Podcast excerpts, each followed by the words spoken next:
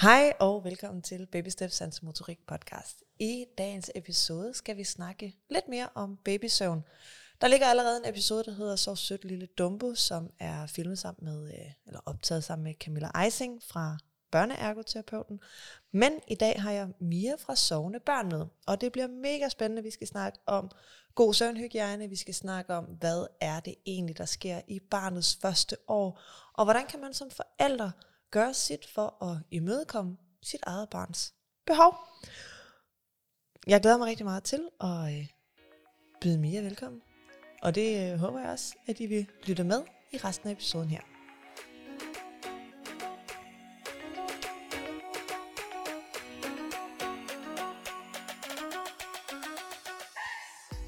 Hej Mia. Hej. Hej. Velkommen til. Tak for det. Velkommen til min lille studie her i Sydhavnen. Ja, det er meget fancy. Tak skal du have. Vil du ikke uh, starte med at præsentere dig selv for lytterne? Hvem er du? Hvor kommer du fra? Og, uh... Det vil jeg rigtig gerne. Jeg hedder Mia.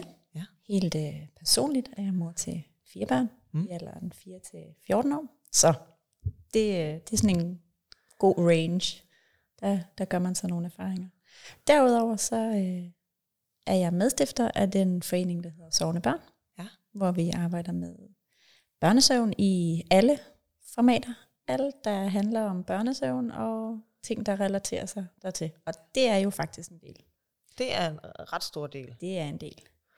Jeg er uddannet søvnvejleder, sådan ja. helt uh, certificeret med uh, opgaver og godkendelse, og hvad har vi ellers? Ja.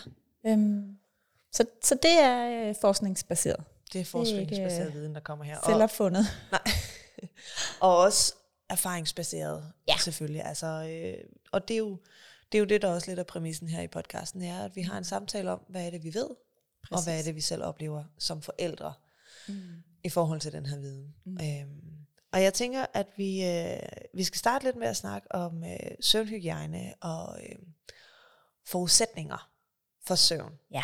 Og nu sagde jeg barnets de første år. Øh, altså, så vi snakker faktisk, vi kommer til at snakke om både for babyer, men også for tumlinge, og så må det ikke, at vi lige står en stikker omkring øh, voksne også, bare fordi, at nogle gange er det nemmere at forstå, hvad der sker i ens børn, hvis man laver en øh, reference til sig selv. Ja. Så hvis nu vi skal snakke om de her gode forudsætninger for at falde i søvn om aftenen, for at få en god nats søvn, ja. skal vi starte med øh, det lille, den, den lille baby. Den helt lille nyfødte baby ja. er i langt de fleste tilfælde, jeg har lyst til at sige nem at få til at sove. Mm. Det kan godt være situationer, hvor man ikke oplever, at det er nemt, men i forhold til senere hen, falder den lille nyfødte baby relativt nemt i søvn. Ja. Den falder direkte ind i indremsøvnen. Jeg ved, I har været igennem søvnstadierne i ja. det andet afsnit ja. med så Camilla. Hvis man, hele søvnopbygningen Præcis. og cykluser og sådan nogle ting, der kan man hoppe tilbage til uh, Så sødt lille dum på episoden. Præcis. Øhm, og det her lille nyfødte barn, det sover jo så og grønter og, og giver sig lidt, og så ligger det lige pludselig helt stille. Mm. Og så går der ikke ret længe, så begynder det igen at rode lidt rundt. Og hvis man sådan ligesom hjælper det her barn med at, at blive i søvnen, ved at vugte lidt, nuste lidt, give det lidt mere mælk, mm. så er det for langt de fleste forholdsvis lige til at hjælpe det lille bitte barn. Ja. Kropskontakt. Nærvær. Mælk, når barnet beder om det. Mm. Det gør de jo nogle gange ret tit. Ja. ja. Og det er jo en hel podcast for sig omkring ja. øh, barnets mave og hvor meget de spiser. Ja. Så det behøver vi ikke. Mm. Øhm, eksempelvis at sove hele luren i arme ja. på maven hos en voksen, som er vågen. Mm. Sikkerhed. Og opmærksom. Ja, frem for alt. Sikkerhed. Så snakker du lidt om det her med de lidt større børn, at ja. det kan være nemt nok for den lille baby. Men hvad så, når de bliver en lidt større baby? Jamen, øhm, typisk så vil forældre opleve, at omkring sådan 3, 4, 5 måneder, mm. så sker der et eller andet. Og lige pludselig, så øh, synes den her baby overhovedet ikke, at det er nemt at sove. Nej. Og forældrene tænker, what the happened? Ja. Ikke? Og det er også tit der, man så opdager, at der er nogen, der er rigtig glade for den her app, der hedder Vidunderlige Uger, hvor man lige pludselig kan se, at Nå, men det er også fordi mit barn er i tierspring og søvntigeren, yeah. og Ja. Om det lige sker på den fjerde dag efter den 8. fuldmåne kl. 28.30, det Ja. ja. er ikke nødvendigvis. Et, men vi ved, at der sker et udviklingsspring omkring de fire måneders tid. For, for en, en del. Øh, det her med, med tierspring, det, øhm, der er også noget kritik af øh, den forskning, der ligger bag, hvor, hvor man kan se, at okay, det gør sig gældende for en del børn, men der er også nogen, hvor det faktisk ikke rigtig lige er sådan, det fungerer. Præcis. Men udover tierspring, så er der søvnspring. Ja. Og det er typisk her omkring sådan 3, 4, 5 måneder, hvor man tænker, wow, der skete et eller andet her. Ja. Og Så. Og jeg tænker tit ja. faktisk, at man kan se, at når ens baby, hvis man kigger på deres hænder, de begynder stille og roligt at putte dem i munden. Ja. De begynder stille og roligt at åbne de her hænder op. Det betyder, at de faktisk er ved at åbne op for deres begrebsverden om at forstå og reagere på sansinputs. Og de to ting umiddelbart falder sammen. Og spørgsmålet er, om de falder sammen, eller om den ene er ja. en respons på det andet. ja, og der er det jo altid svært at se, altså hønen og ægget, mm. hvad er det lige, der sker her? Måske ja. er det i realiteten begge ting, der på en eller anden måde hænger sammen. Ja. De Så- begynder i hvert fald at få en anden forståelse for verden, Ja. og derfor vil søvnen naturligvis også ændre sig, fordi vi måske også begynder at have noget drømmeværk. Ja, og der får de også øh, to ekstra søvnfaser, hvor ja. de lige pludselig, i stedet for vidderligt at falde i søvn, Mm. så skal de sådan mere aktivt give slip og tillade sig selv at falde ind i søvnen. Ja. Og det kan være rigtig svært. Ja. Og samtidig, så finder de jo lige præcis ud af, hold da op, jeg har sådan nogle lange ting, og jeg kan gøre noget med dem. Og de smager og, godt. Og, hvad er det, der foregår her? Mm. Så vi, øh, jeg oplever selv, og inden ved sovende børn oplever vi, at der kommer de første meldinger om motorisk uro, når Åh. barnet skal sove. Og den har vi også en hel podcast om Ja. i øvrigt. Men øh, lad, os bare, øh, lad os bare lige øh, rode lidt rundt i overfladen her. Og der må man jo bare sige, at et lille barn, som bliver lagt på ryggen, Mm. og begynder at ligge og fægt med arme og ben, det er altså ikke et problem. Og der vil jeg jo gerne komme med en tilføjelse, at der kan vi godt kigge på og differentiere i, hvordan ser barnet ud, når det ligger og fægter. Ja. Og jeg vil også gerne sige, motorisk uro, nu siger vi det med sådan en lidt sarkasme i Ja. stemmen, og det er fordi, at motorisk uro jo bliver betragtet som en negativ ting, Ja, og ikke som en, hey, det er normal babyadfærd. ja, Men har man nu et barn, sorry, der ligger på ryggen, og arme og ben kører hele tiden, og barnet har sådan nogle store, stive, stikkende øjne, så skal man måske lige være en lille smule nysgerrig på, om det faktisk er fordi det her barn ligger og er en lille smule stresset overlig på ryggen, fordi det ikke har balancen. Og det er derfor, vi har så nogen som dig inde i sovende børn. Det er jo fordi, uanset hvor dygtig man er, mm. så kan man ikke vide alt om alt. Så der er jo ikke kun mig inde ved sovende børn, som er søvnvejledere. Vi har også øh, ergoterapeuter, mm. pædagoger, neuropædagoger, psykologer osv. Ja. Netop fordi vi har hver vores faglighed. Mm. Vi har måske også forskellige nuancer i vores faglighed, og det giver et samlet hele, mm. hvor vi i hvert fald føler, vi kan tilbyde rigtig god information til Præcis. Forældre og fagpersoner. Præcis. Men det her lille barn, som ligger og sådan, øh, altså fægter med arme og ben, og, Og de skal krop. sådan ligesom, og, og også er kontaktsøgende måske, mm. og, og egentlig har det rigtig dejligt med at ligge her og sparke. Ja. Og så falder de sådan efterhånden lidt til ro. Det er jo ikke et issue. Nej. Nej, nej. De fordi har bare fået nogle arme og nogle ben, og de tænker, hold da op, jeg kan bruge dem til noget. Jeg kan rent faktisk styre dem. What is this? Ja, hvad er det lige, der foregår her? Og det er jo også omkring de her fire måneder, i takt med, at de åbner hænderne, i takt med, at de begynder faktisk også, og man får de her de ægte smil. Altså man kan se, du laver noget goofy, dit barn begynder at grine. De begynder lige pludselig at reagere på sanseinputs. Mm. Det er også det, der sker, når de ligger med deres arme og ben. De søger inputs. Vores hjerne er lavet til at hente indtryk ind. Vores sanseindtryk er det, der giver vores hjerne mad. Helt konkret. Hver gang vores hjerne henter et sansetryk ind, hvad hedder det, op og skal bearbejde det, så følger der lidt fedtstof med til hjernen, som smører den, fodrer den og mætter den godt af. Så måske er det okay. Mm, Måske er det ikke noget, man nødvendigvis behøver at gøre sig enormt umage for at dæmpe. præcis. Eksempelvis øh, ved at forsøge sådan ligesom at svøbe det væk. Mm. Jo, det er da dejligt, at der findes noget, der hedder at svøbe. Mm, Men måske kunne man lige så godt give lidt plads til det. ja. Eller eksempelvis tilbyde barnet en anden form for input. Ja. og hjælpe det i søvn. Ja. Tag det op, vug det lidt, Svøb det i sine arme, hvor vi alligevel ikke sang. låser det fast. gør noget Mm. for at hjælpe barnet til at få den her bevægelse, det selv viser, det godt kunne tænke sig og synes er rart. Og de eksempler, du kommer her med her, det er jo alle sammen sociale eksempler. Det er eksempler med social kontakt mellem dig og dit barn. Mellem to nervesystemer, der kan hjælpe hinanden. Ja, fordi når vi lægger den lille baby ned for sig selv, så er det ikke, det er ikke naturligt for barnet. Mm. Det er naturligt for barnet at blive lagt, mens det stadigvæk er i kontakt, har øjenkontakt eller fysisk kontakt på en eller anden måde. Men at blive lagt helt for sig selv, væk fra sin omsorgsperson, det er jo ikke altid, det er forældre. Mm.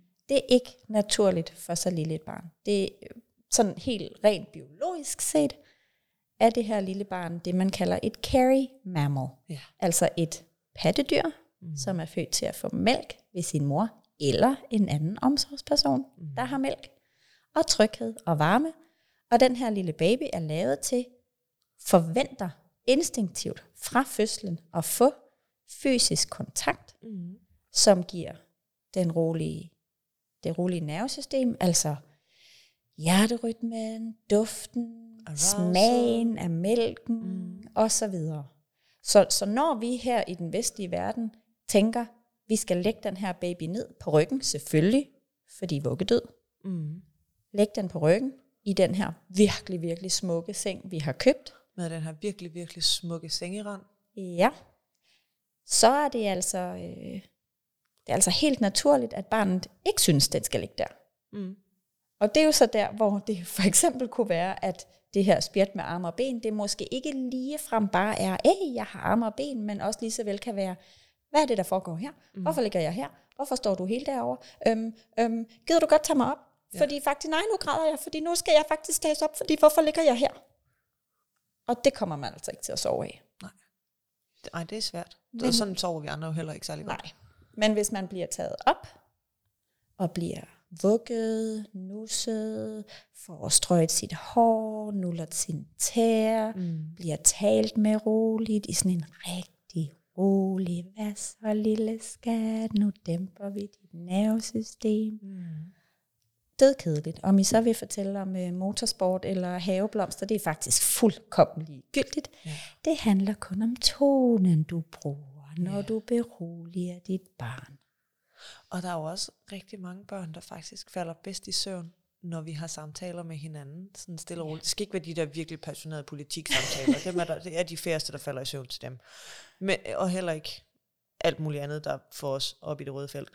Og, som vi, men hvis man sidder og snakker om, hvad skal vi have at spise i løbet af ugen? Hvordan har din dag været? Alle de Ja. der sådan helt stille og rolige dagligdags ting, hvor vi i det sociale samspil med nogle andre får Mm. dæmpet vores eget nervesystem måske endda tager for, for taget det der pres om, at uh, nu skal baby også sove, og det er også, og klokken den er også, og sundhedsplejersken, ikke no offense sundhedsplejersker, sundhedsplejersken har også sagt, at vi skal sove klokken øh, Ja. 19, fordi at øh, et eller andet, og øh, det er Ja. på tide, at vi begynder at køre en rutine ind.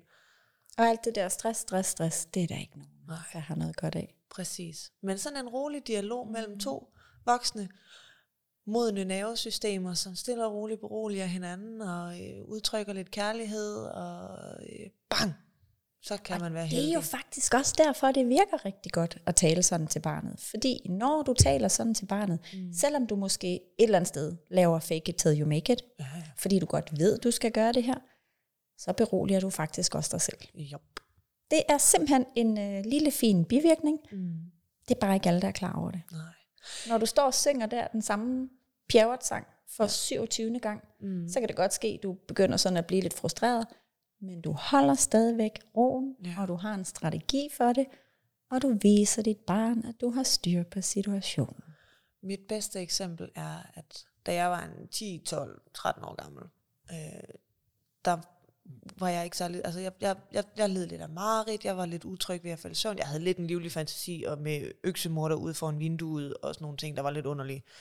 Øh, måske også havde set et afsnit af rejseholdet, og introen var sygt spooky. Øh, jeg kunne i hvert fald ikke falde i søvn om aftenen. Så satte jeg en CD på, det var det, man hørte musik på dengang, at jeg var 10.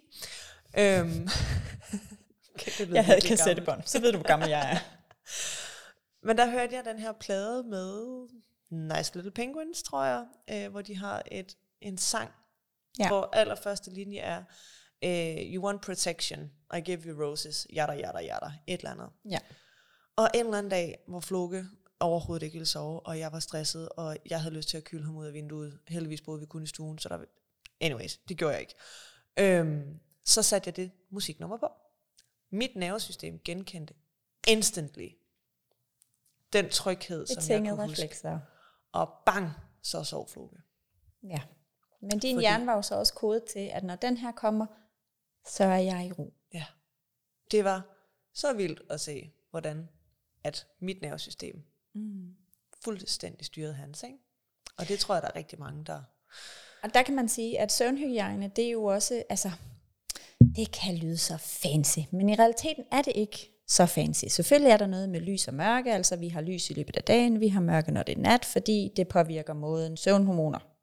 Det ved jeg godt, det, det er jo ikke, melatonin er jo ikke sådan et rigtigt søvnhormon, men det er det, de fleste mennesker kender det som. Mm. Så det siger vi bare. Ja. Det er jo sådan, det fungerer, med lys og mørke. Også sociale aktiviteter, hvornår spiser vi i løbet af dagen, der ligesom koder kroppen til, mm. hvornår er det dag, hvornår er det aften. Ja.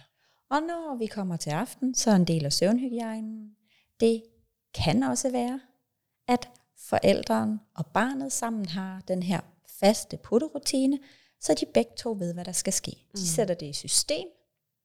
Der er styr på sagerne.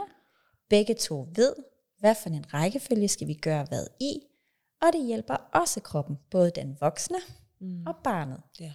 Ofte oplever jeg, at øhm, forældre måske ikke helt er med på, at den her putterutine, det er lige så meget for deres skyld.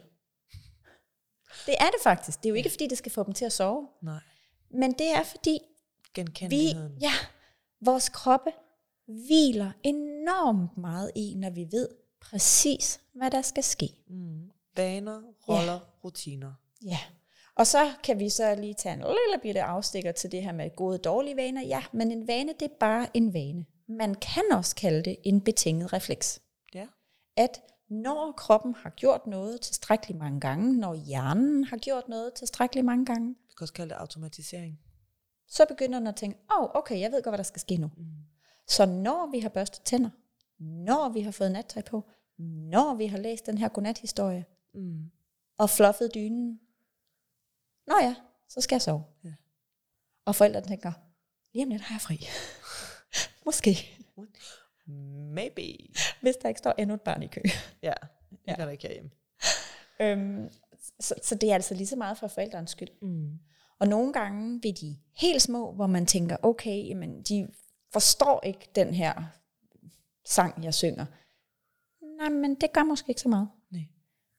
De Og, forstår øh, rutinen. Ja, og du kan lige så vel høre øhm, The Cranberries, der afslører jeg igen, hvor gammel jeg er. Lige så godt høre et eller andet musik, du synes er rart, som noget, du tænker, barnet vil synes er rart. For det er lige så meget Ja. til din beroligelse. Ja, og det er det samme i løbet af dagen, når din baby skal sove til lur. Hvis dit nervesystem har en fest, og du får udskillet en helvedes masse serotonin og oxytocin ved at give den gas til at danse rundt til... Øh, Techno. ja, jeg, jeg vil have sagt øh, aqua, men Same, same. øhm, øh, ja, når du har det godt, ja, så kan du sende det videre til dit barn. Ja, jeg tror, jeg fik sagt serotonin. Vi skal helst ikke udskille en hel masse serotonin i løbet af dagen. Hvis vi gerne vil have alle vores gode, glade hormoner, dopamin og oxytocin. Oxytocin. Ja. Og det kan for eksempel være ved at give den gas til Barbie Girl. Eller min, min favorit er jo helt klart at finde et musiknummer, som minder en om de gode, gamle, øh, midt 20'erne dage på LA Bar med øh, jægerbombs, og så ligesom tænke, sæt det musiknummer på, fordi det minder ens nervesystem om dage, hvor der var no worries. Det er bare fest, det er bare ballade, og du er ude med vennerne. Ja, og alt er godt. Og alt er godt. Ja. For det meste. Og det er jo igen, altså, det er jo igen den der med, med nervesystemet, ikke? Mm. at hvis man selv er i ro, og så tænker jeg, at der måske vil sidde nogen og tænke, jamen hvad så, hvis jeg ikke er i ro? Ja, men ved du hvad? så er det faktisk muligt at hjælpe dig selv Ja. i ro. Det er okay at fake it till you make it. Det er okay at tænke, okay, jeg, jeg føler faktisk overhovedet ikke, jeg har styr på det her, Mm-mm. men nu prøver jeg. Ja. Nu prøver jeg. Jeg prøver at bruge musik. Jeg prøver at stå og bukke. Jeg prøver at synge den her sang. Ja. Og jeg gør mit bedste. Det er også okay. Og det er også okay, hvis man har en partner, øh, at gå ind og sige, ved du hvad, mit nervesystem kan ikke i dag. Ja. Jeg kan ikke finde den ro. Det er ikke, vi skal ikke være martyrer i et Nej. putte-ritual, fordi at vi ikke vil øh, opgive kampen, eller fordi vi tror, vi skal, eller fordi society siger, at man er en dårlig mor, hvis man ikke kan putte, sit- eller far, eller bedstemor, hvis man ikke kan putte sit barn. Mm. Altså, hvis man, ikke, hvis man ikke kan, hvis man ikke kan være der lige der, så er det også okay. Og det handler jo også om omstændighederne.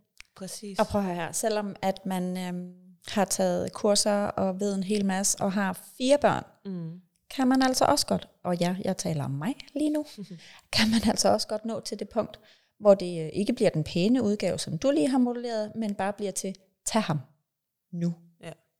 Eller, eller hvor man ikke engang siger, at man bare smækker med døren og går. Måske ikke super hensigtsmæssigt, but it happens. Det er bedre, Og end at kaste barnet også ud af vinduet. Bare mennesker. Ja. Vi er nemlig bare mennesker. Og vi er også bare nervesystemer, uanset hvor meget vi ved om nervesystemer, så kommer vi også over. Og så er det jo altså ikke for sjov, at det der med søvn, det vidderligt bliver brugt, kan bruges som tortur. Nej, Øhm, nej, det er faktisk noget af det mest effektive. Ikke? Det er værre, at, at- altså, hvis du ikke har sovet 24 timer, det er værre end ikke at have spist i 24 timer. Ja.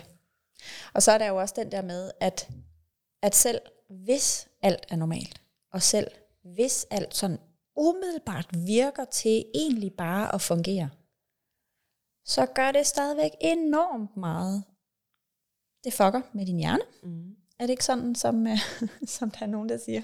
Ja, hvert fald Ja. mange ting, der fucker med ens hjerne. Øhm. Øhm, det, det fucker med din hjerne, uanset hvordan du vender og drejer det, at dit barns søvncyklus er så kort, som det er, mm. og derfor konsekvent bryder ind i din. Ja. Ja, ja. Selv den mest hardcore person, der indtil da har kunne klare alt. Jeg er ligeglad, om du har løbet maratoner. Jeg er ligeglad, om du har været natsygeplejerske i jeg ved ikke hvor mange år. Lige præcis den form for afbrydelse i søvnen, som du natter, niks, kontrol har over, Mm. det er bare hårdt. Ja. Og hvis og... man så samtidig skal op og for eksempel sidde og amme, og ens barn er inde i den der fase, hvor den der hånd, den lige har nået, at den kan nå ens ansigt, og den ligger og slasker, så man samtidig med klokken Ja. 3 om natten får sådan små lussinger i hovedet. Så er det svært at bevare ro. Det kan det i hvert fald være. Det er rigtig svært. Det er godt, vi elsker vores børn, ikke? Jo, men ved du hvad, du behøver altså ikke elske dem ubetinget klokken 4 om natten, og Nej, du nej. bare ikke kan hænge sammen mere. Altså de der, de, alle de der tanker, der opstår i løbet af natten, når du mm. har afbrudt søvn, og du virkelig bare stiller dig selv til rådighed igen og igen og igen, og du bare begynder at tænke, kuffert, Hawaii, jeg har skrevet, jeg kan ikke mere. Ja, Det er helt naturligt. ja. Og det er jo ikke meningen, det har aldrig nogensinde været meningen, at vi skulle have børn alene, som vi har nu. Og så kan man snakke om the village, eller uanset hvad man vil kalde det. Men det har aldrig været meningen, at man skulle stå alene med børn på den måde. Nej. Og så vil der være nogen, der tænker, what's the biggie? Det gik da fint. Altså jo, jo, det var da hårdt, men vi klarede det jo, fordi det skulle vi jo. Ja. Og det er dejligt. Men der er også nogle forældre, for hvem det vidderligt ender i en søvnkrise. Altså en helt regulær søvnkrise, hvor de akut har brug for støtte, fordi de kan simpelthen ikke have mere afbrudt søvn nu. Nej. De kan ikke blive ved at stille deres krop til rådighed på den måde. Det er virkelig også hårdt, ikke? Hvad gør man så? Nu er du jo søvnvejleder. Ja. Hvad vil du så gøre? Hvad? Hjælp dem, var jeg ved at sige, ikke? Men, men Altså, ja, det kommer jo an på familien. Det kommer rigtig meget an på familien. Øhm, for nogle familier, der, der handler det om at hjælpe familien med alle andre ting end omsorgen for barnet. mm. Nogen skal komme og hjælpe dem med at lave mad. Nogen skal tage det store barn på legeplads, eller komme og hente det og køre det i institution om morgenen, hvis det går i institution. Nogen skal måske komme og gøre rent, vaske tøj, handle ind. For nogen er det løsningen. Andre har behov for ikke at skulle stille deres nervesystem til rådighed mere. Og når jeg siger stille deres nervesystem til rådighed, så er det jo den her kropskontakt. Det er det her med hele tiden at skulle regulere et andet menneske. Hele tiden at sætte Hjælp et deres andets følelser. behov Ja, før sit eget. altså som, som simpelthen bare har brug for en pause. Mm. At nogen skal komme og mother the mother. Det er oftest moren. Uanset hvordan man vender og drejer det, oftest er det moren, som bare ikke kan mere. Ja. Og når du mother the mother, det kan være at komme og sørge for, at hun får noget at spise. Det kan være at være den, der lytter efter barnet, selvom barnet rent faktisk sover. Mm. Så bare det at få lov til at sove, hvor nogle andre af dem, der lytter efter barnet. Så mor går ind og sover. Det kan jo selvfølgelig også være far. Forældre, uanset hvad man kalder det. Mor går ind og sover. Babyen sover faktisk også. Men der er en anden, der har vagten. ja. Ja, men babyalarm. Men det er ikke det samme. Du sover ikke på den samme måde, Fordi hvad nu står når du ved, du skal lytte. Det er bare ikke det samme. Nej. Hvis den lille så bliver ammet, kan man levere ind. Eller nogle gange kan det ske, forældrene vælger, at nej, der skal soves nu. Ja. Så vi malker ud, eller giver erstatning. For at få det sammenhængende stræk. Ja. Og det er bare så vigtigt at vide som forældre, at der er måder at håndtere det her på. Man behøver ikke bare wait it out. Mm-mm. Og man behøver heller ikke i ren desperation simpelthen få den sådan lidt mere hårde tilgang og sige, jamen jeg er nødt til at lære dig at sove. Så nu ligger der ind på et værelse og lukker tre døre imellem, og så Ja, vi men ikke, ikke nødvendigvis, men, men altså sådan mere, hvor man tænker, at situationen til dels kan løses ved at forsøge at lave om på barnets søvn. Mm. Det er i langt de fleste tilfælde ikke muligt i det omfang, man kunne tænke sig. I rigtig mange tilfælde er det muligt at gøre et eller andet. Men det vil typisk ikke være der, du får den der akutte Hjælp. løsning, hjælp, øh, håndsrækning, hvad end man vil kalde det. Mm. I langt de fleste tilfælde handler det om at få nogle flere omsorgspersoner på ulykken. banen.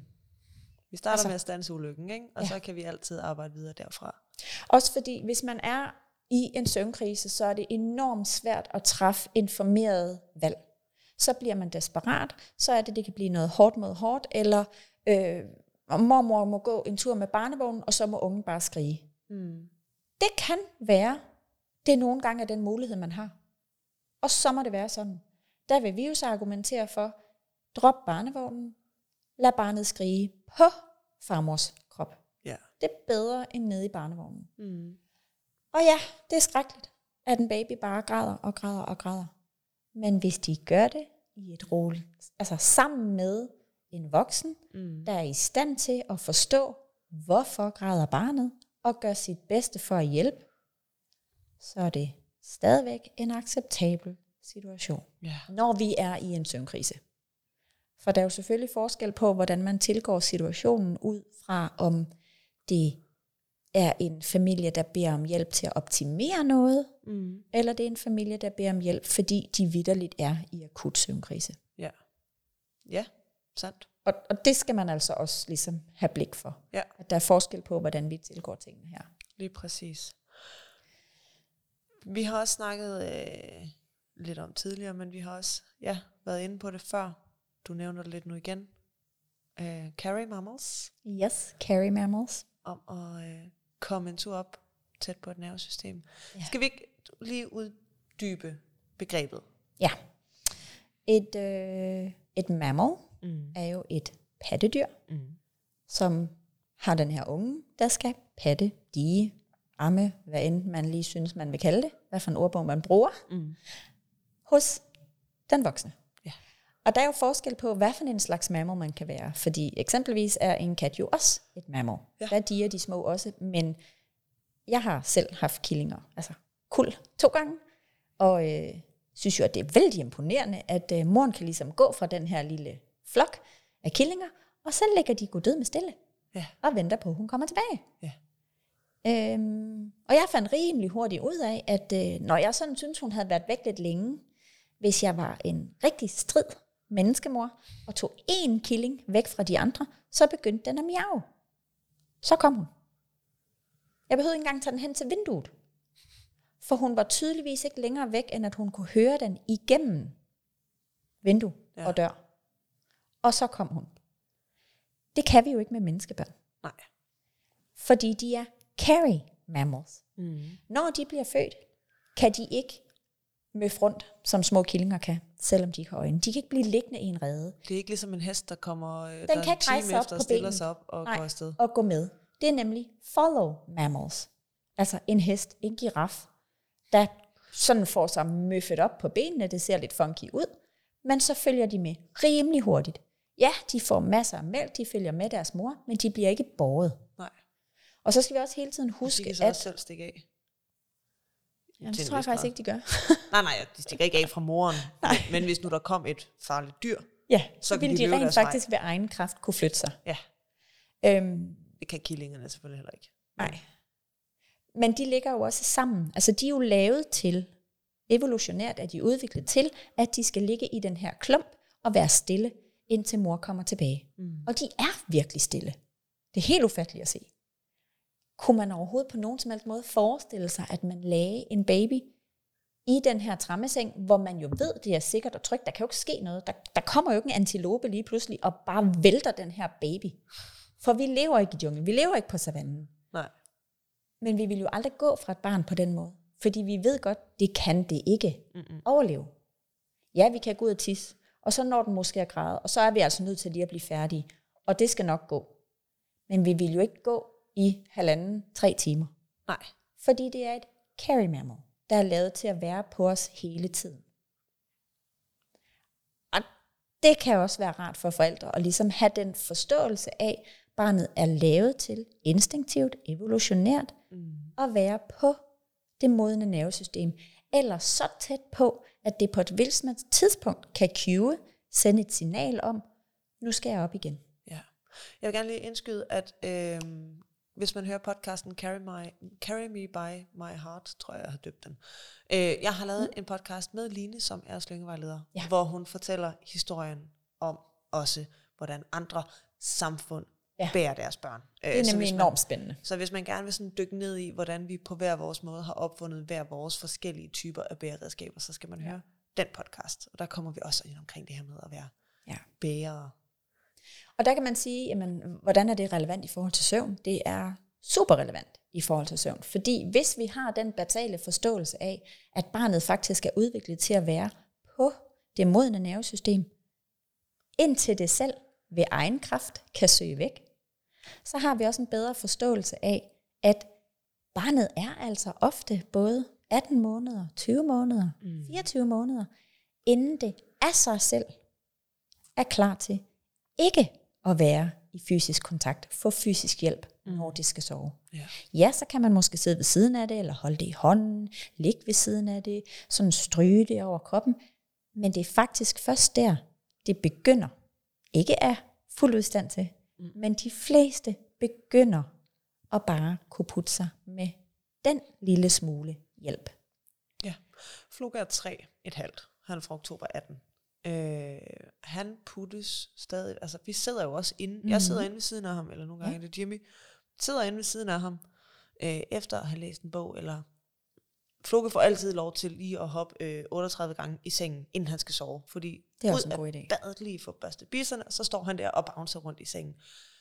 Så han bliver mættet godt af, Ja. inden han skal sove. Øhm, så får vi lige sparet øh, 10-20 minutters øh, rumsteren rundt, hvor han ligger og vender og drejer sig. Fordi, Ja, lige præcis. De kan lige så tage det i opløbet, i stedet for at de laver det der roden rundt, hvor de lige skal slå 27 koldbøtter og pille mm. i næsen og ligge hen over maven, og så skal de lige rotere lidt rundt.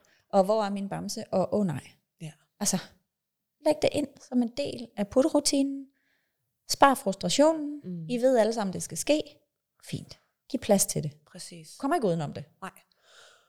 Altså, hvis man har den slags barn. Der er jo rent faktisk nogle børn, Der går ind og bare lægger til Så, også babyer. Ej, større Ja. babyer. Sådan- Der er også nogen, som allerede... Den tager vi lige. Det Ja. har vi godt nok ikke. Vi, vi, vi har det ikke på vores øh, dosmerseddel. Vi tager den lige med. På et tidspunkt, det er adskillige, det er faktisk årtier siden, øhm, var der en forsker, som lavede et søvnstudie. Og nej, jeg kan ikke huske, hvad han hedder lige nu. Det er et helt regulært studie. Hvis nogen er super interesseret i, hvor jeg har mine ting fra, så skal jeg nok finde det. Ja. Selvfølgelig. Lavede et studie, og i det studie inddelte han børnene i to grupper. Den ene gruppe var signalers, altså dem, der sender signal Ja. om at have brug for hjælp. Ja. Og den anden gruppe var self-soothers. Ja. Og hvis der er nogen, der tænker, det der self-soothing, det har jeg altså hørt om, så er det blevet oversat til dem, der er i stand til at berolige sig selv. Mm. Fra hvad alder skulle man skulle de Ja, nogen kan allerede fra fødslen. Og så vil man så sige, jamen det var bare en betegnelse, den her forsker brugte til at lave den her inddeling, fordi han kunne se, at der var en mindre gruppe børn, mm. som allerede fra fødslen af ikke rigtig gav signal efter at skulle have den her hjælp til søvnen. Ja. Eller kunne nøjes med ganske lidt hjælp. Mm. Mens der var nogen, som satte toghornet i gang. Hver evig eneste gang. Kom og hjælp mig. Jeg roder rundt her. Jeg er færdig med min søvncyklus. Hvad filen er det, der foregår? Hjælp mig. Jeg er vågen! Ja, lige præcis. Og de er jo ikke engang altid nødvendigvis vågne. De er bare i den lette søvn imellem to søvncykli. Og der er de jo så, hvad er det, der foregår her? En eller anden kommer og hjælper mig. Jeg ligger helt alene. Jeg er bange. Jeg aner ikke, hvad der foregår. Jeg skal slå en prut. Jeg er sulten. Gør et eller andet. Hjælp mig for filen. Ja. Men det sjove er, at det her studie, det blev brugt som, øhm, som en, en, en begrundelse for, at det er bedst at have et self-soothing barn. Altså et barn, som ikke kalder. Et barn, som ikke har brug for hjælp. Hvad var argumentet for det?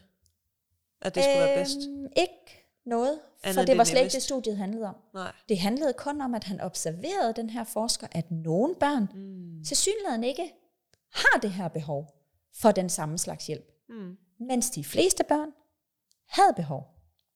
Ja. Så hvis vi kigger på barnets de første cirka to år, sådan, det, det, det er sådan, minus lidt jo, så er det sådan rimelig fair at sige, at der kan man godt som forældre forvente, at barnet har brug for en del hjælp til at sove.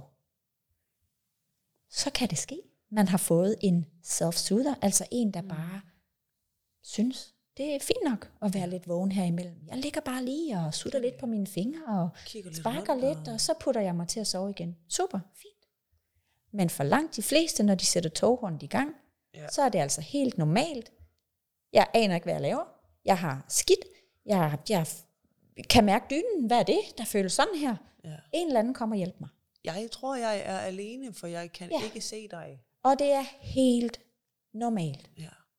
Så den her stræben efter, jamen det er vigtigt, at barnet lærer at ligge og falde i søvn af sig selv. Nej, nej, det er det faktisk virkelig ikke. Nej. Det er ikke vigtigt overhovedet. Hvis dit barn kan det, fedt mand. Mm. Hvis dit barn ikke kan det, Nå. rolig nu. Det skal nok komme. Ja. Og jo flere gange du støtter dit barn, Mm. viser dit barn med din krop og dit nervesystem, sådan her kan man finde ro, når man skal sove. Desto flere gode oplevelser får barnet, og så er det den her fancy myelinisering, som det hedder, op i hjernen, danner banerne, hvor hjernen lærer, når det er sådan her, det foregår, når man skal være rolig, ja. når man skal falde i søvn. Og den foregår jo altså kun i en eller anden form for via et nervesystem, der kan guide den og hjælpe den og arbejde sammen med det. Ja. Og helst øh, uden at det er i freeze eller flight tilstand. Ja. eller øh, fight for den sags skyld. Men uden at vi når helt om i det, som øh, også lidt populært, hvis man... Ej, der, der er mange referencer til andre podcasts lige nu. Men hvis man har hørt øh, podcasten om okay, den at du allerede har lavet så meget, der er fedt. podcasten om den polyvagale teori med Inglis Arnsbjerg, så snakker vi rigtig meget om det her med, hvornår er det, vi kan lære, hvornår er det, vi er læringsparate, hvornår er det, vores nervesystem og vores hjerne kan tage imod noget. Det kan den ikke, når den er stresset. Det kan den, når den er rolig. Det kan den ikke i det, der hedder dorsal vagus. Det kan den kun, når vi er i parasympatikus. Til nød i sympatikus, men så skal det være den del af sympatikus, som er sådan et, uh, jeg skal til eksamen, og det er sådan en lille smule grænseoverskridende, og jeg er lidt spændt, eller jeg skal på første date, og jeg er lidt spændt. Ikke den der, shit, øh, nu bliver jeg nødt til at løbe, fordi at der kommer en, brustyv. Præcis. Ja, og det er altså det samme for vores babyer. Ja, og, og den her, øhm, jeg oplever nogle gange, mm. at der kan være forældre, som øhm, ikke nødvendigvis er bange for, men som udtrykker en, en lidt øhm, usikkerhed omkring, om, om, det, om det nu virkelig er en god idé at blive ved med at give al den her hjælp. Ja. Fordi, jamen, jamen, hvad, hvad nu hvis det aldrig stopper? Mm. Det stopper. Det stopper. Helt af sig selv. Det umodne nervesystem Ja. er det, der har brug for hjælp. Og jo mere vi hjælper det, jo mere modent bliver det. Det er lidt ligesom en avocado, der får lov til at ligge ved siden af en tomat. Den modnes hurtigere. Og lige pludselig er den der. Og ja, og så skal man... Og så er den væk. Ja. Ja. Men det sker altså ikke for nervesystemet. Nej. Det kan ikke blive overmodent. Men så har vi jo altså også nogle gange nogle situationer, hvor barnet har en helt normal adfærd, helt normalt behov, mm. som det signalerer, jeg har brug for hjælp, men forældrens nervesystem ikke kan være i det. Ja, men det er jo alt sammen et samarbejde og et samspil. Det er familien, der skal fungere Ja. i søvnen. Og der er det jo også bare super vigtigt at sige, du som den voksne, ja, du skal tage dine øh, voksne underbukser på, og måske til dels nogle gange stramme dig an. Mm. Men det er altså også vigtigt at erkende, mm. anerkende mm. begge dele, at det voksne nervesystem kan være voldsomt presset af at skulle regulere ikke både sig selv, men også barnet. Måske endda børnene Eller manden. konstant.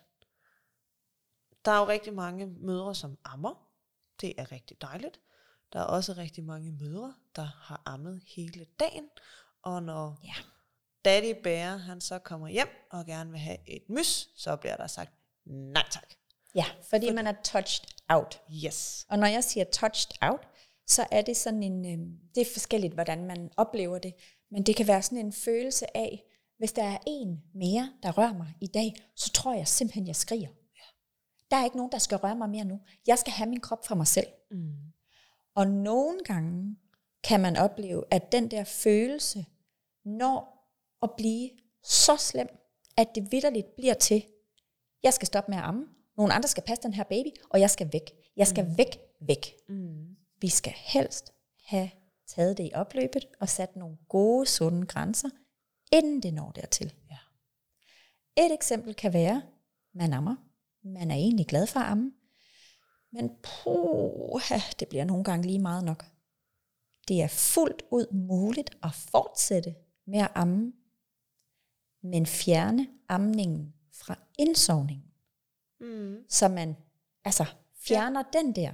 Ja. Og nogle gange kan det være lige præcis det, der skal til, for at man kan være i det igen. Mm. Eksempelvis et barn, som gerne vil amme, amme, amme, mens de falder i søvn, og de vil gerne øh, nulle modermærket på armen, eller nulle den anden brystvort, eller gøre et eller andet hele tiden, og så bliver det bare for meget. Mm.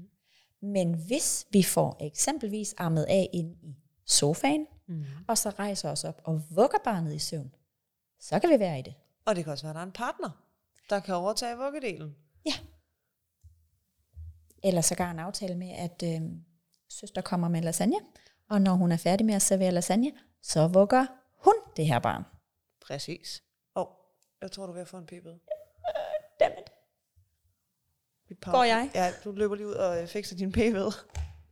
Du skal løbe stærkt nu. Ja, det var lige en kort pause. Vi er tilbage efter at have undgået at have fået en p-bøde, hvis nu lige man nåede at blive nysgerrig på, hvorvidt der blev givet p-bøder eller ej. Nej, jeg slap. Du slap. Ja. Ja, men vi var ved at snakke om, at søster kunne komme med noget lasagne, og så kunne man øh, lade hende Ja. et helt friskt nervesystem, ikke? Ja, som ikke er presset. lige præcis. At det, søsters nervesystem kan jo også godt være presset af andre Jo, jo, men, udfrakommende forudsætninger. Men det, der jo helt grundlæggende sker i en touchdown, det er, at vores berøringssans er overstimuleret. Og den er ikke bare overstimuleret, den har simpelthen været overstimuleret dag efter dag Ja. efter dag. Så det er ikke bare sådan der over, den der overstimulering, hvor man bliver sådan en lille smule on edge. Vi er derude, hvor det faktisk nærmest er et syndrom, når man når helt derud. Det kan føles overgrebsagtigt. Fuld. Og så skal man jo selvfølgelig passe på med at bruge ordet overgreb, men, men overgreb er jo ikke kun den slags overgreb. Vel? Det kan vidderligt føles som om barnet invaderer Ens. personlige space. Ikke? Inge Lise Arnsberg, hun kommer med den bedste forklaring mm. nogensinde. Vi hører tit om de her øh, sensitive børn, der er, øh, hvor man siger, "Ej, det var godt nok en voldsom reaktion. Øh, man kommer til at stryge ja. dem på armen, og de slår ud efter en, og man er sådan lidt, okay, det var en overreaktion. Nej, for det var det, barnets nervesystem fortalte barnet, at der skete. Barnets nervesystem sagde, jeg bliver angrebet. Og så reagerede det på det. Det kan godt være, at det ikke er en hensigtsmæssig reaktion, men for barnet er det den rigtige reaktion. For den voksne, der oplever en touched out, er det ikke en overreaktion. Det er en reaktion på, at nervesystemet Ja. aflæser det som fare. Ja. Og det skal vi handle på, når vores nervesystemer de fortæller os, at vi er i fare. Så er vi måske rent faktisk der, hvor vi er i fare. Ja, og sådan en, en konsekvent overkravssituation, det altså, ja, det kan være touched out, det kan også bare være at være, øhm, jeg skal nok få det til at, det, det giver mening lige om lidt i forhold til søvn. Øhm, men det her med at være i sådan en konsekvent overkravssituation, hvor man, hvor man står for alt, Ja. selv så noget som, hvad er der til aftensmad? Mm. Det kan blive til et, det ved jeg, fuck med ikke, mand. Du kan da vel selv finde ud af, hvad du skal spise. Mm. Hvor ens partner er kommet hjem fra arbejde, måske hvis man stadigvæk er på barsel, og bare sådan et, okay, fuck, hvad skete der her, mand?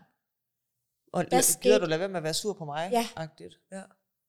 Hvor det, man har mest af alt brug for, Det er det er måske af at sige, ved du hvad, det er helt okay. ja. Jeg ringer efter en pizza. Ja. Vi tager råbrød. Rolig nu. Mm. Vi klarer den. Og så ligesom prøve at kigge på, hvad er det, der foregår. Fordi hvis man er op Mm. og kører på den måde, så kan man ikke regulere sit barn til søvn.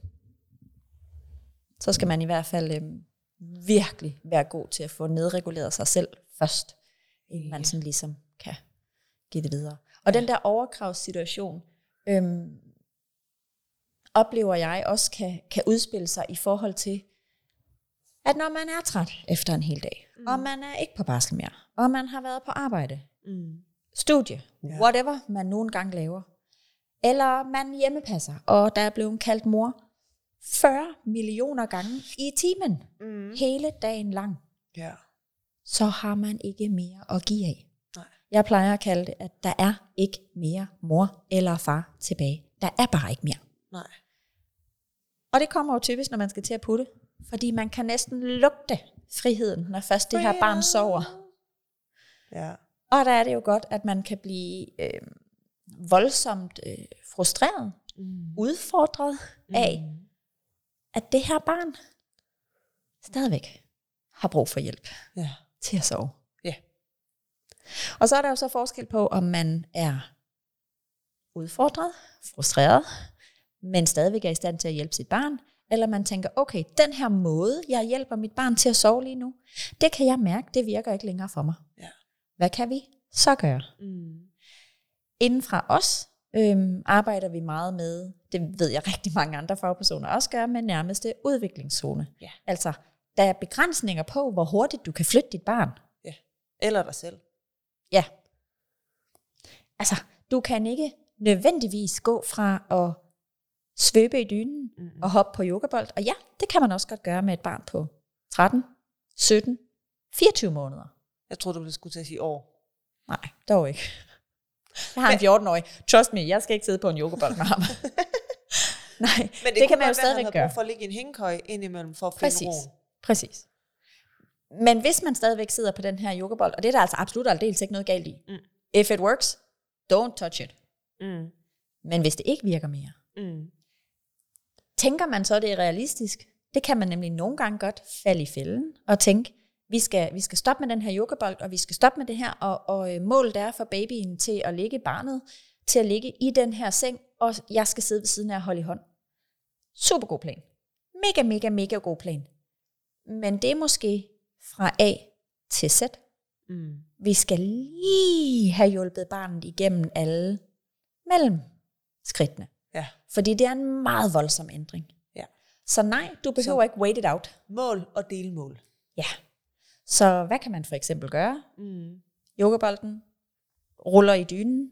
Mm. Måske skal vi starte med at vugge, som vi plejer, Mm. og så stille og roligt prøve at skrue ned for vugningen. Og hvis barnet sådan øh, modsætter sig, strider imod, viser, ja, hvorfor gør du nu det? Så hopper vi igen lidt voldsommere, og så skruer vi igen lidt ned. Mm. Så vi gradvist hjælper barnet ind i det nye, vi godt kunne tænke os. Præcis. Der, hos os arbejder vi, der, arbejder vi også øh, rigtig meget med, hvis man gerne vil ændre en putning, og det er sådan lidt mere en overordnet måde at beskrive det på. Hvis man gerne vil ændre en putning, så start med at tilsætte noget af det nye, du gerne vil arbejde hen imod. Ja. Så hvis du gerne vil væk fra yogabolden, hen til at sidde på kanten af sengen og vugge, Mm. så kan du tage yogabolden hen til sengen, Ja. så du kan hoppe lidt på yogabolden, så sætter du dig over på kanten af sengen og bouncer lidt på madrassen. Mm. Så står du måske igen over på yogabolden, og så tilbage på madrassen. Mm. Og stille og roligt introducerer du det her nye, du gerne vil arbejde hen imod, uden at du fjerner det, der allerede virker. Ja. Jeg Så du ligesom lægger det, altså ligesom små legoklodser, der bliver bygget oven på hinanden. Mm. Og på et eller andet tidspunkt, så er barnet vant til den her rød, grøn, gul legoklods samling, som er putterutinen. Så kan du fjerne den ene del af det, du gerne ville have væk. Så Ja. fjerner du den gule klods, for det var den, der var lige ved at få dit PCK. Ja. Det var det, der gjorde, at du bare var på kanten. Ja. Men du kan godt arbejde med at ligge i sengen og vugge dit barn med din hånd, sådan nusse nusse på numsen eller klappe på numsen. Det kan du godt arbejde med. Men den der yogabold, den skulle bare væk. Mm. Så stille og roligt. Ikke forvente for meget, Mm-mm. For så bliver det ikke en god oplevelse for nogen. Nej, lige præcis. Og så tænker jeg, at vi skal slutte helt af med lige at snakke om det her med, at vi skal have spist hjernen af, ligesom vi lige mætter vores børn godt af i maven, inden de skal sove, så skal vores børns hjerne også mættes godt af, inden den skal sove. Øhm, jeg har nævnt eksemplet med, at Floke får lov til at hoppe i seng. Ja. Det er en måde. og Det er ikke alle, der kan holde ud, at deres børn hopper i seng. Floke må også godt hoppe i sofaen herhjemme. Igen, det er ikke alle steder. Jeg lavede en, en post forleden, tror jeg. Eller også tænkte jeg bare på at gøre det. Om at Floke han får lov til at hoppe i sofaen herhjemme. Og at min mor, da jeg var barn, altid kom med sådan en trussel. Når du flytter hjemmefra, så kommer jeg og hopper i dine møbler. Jamen, det gør du bare. Og der må jeg jo så indrømme, det må, skal hun da bare være så velkommen. Hun må gerne lige hoppe sammen med Floke, men altså, Ja.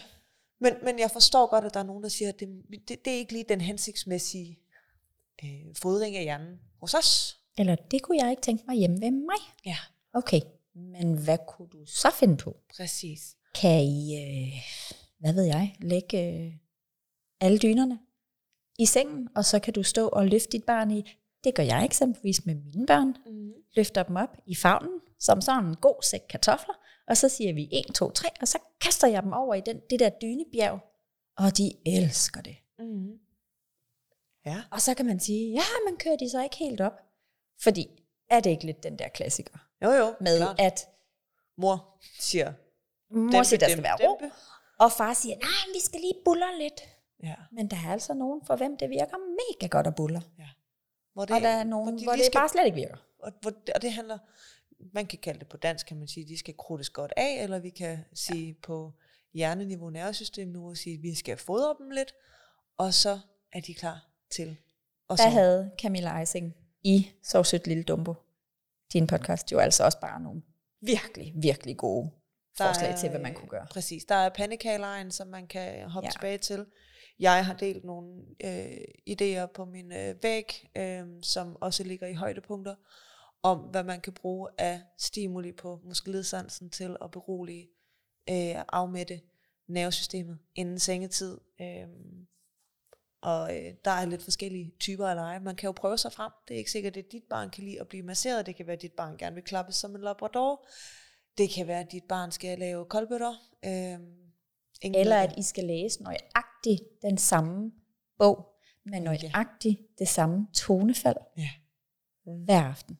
Præcis. Nogle gange læser vi den samme bog to gange, hvor man tænker, what? Ja, ja men, Men det altså, virker. Hey, det er det, de godt kan lide. Rutiner, ikke? Ja. Vores hjerner er vilde med rutiner. Altså, det er derfor, vi kan finde hjem, uden at skulle tænke over det. Øhm, sådan en lille ting, hvis man er kreativ anlagt. Ja. Øh, kan det for de 0-2-årige.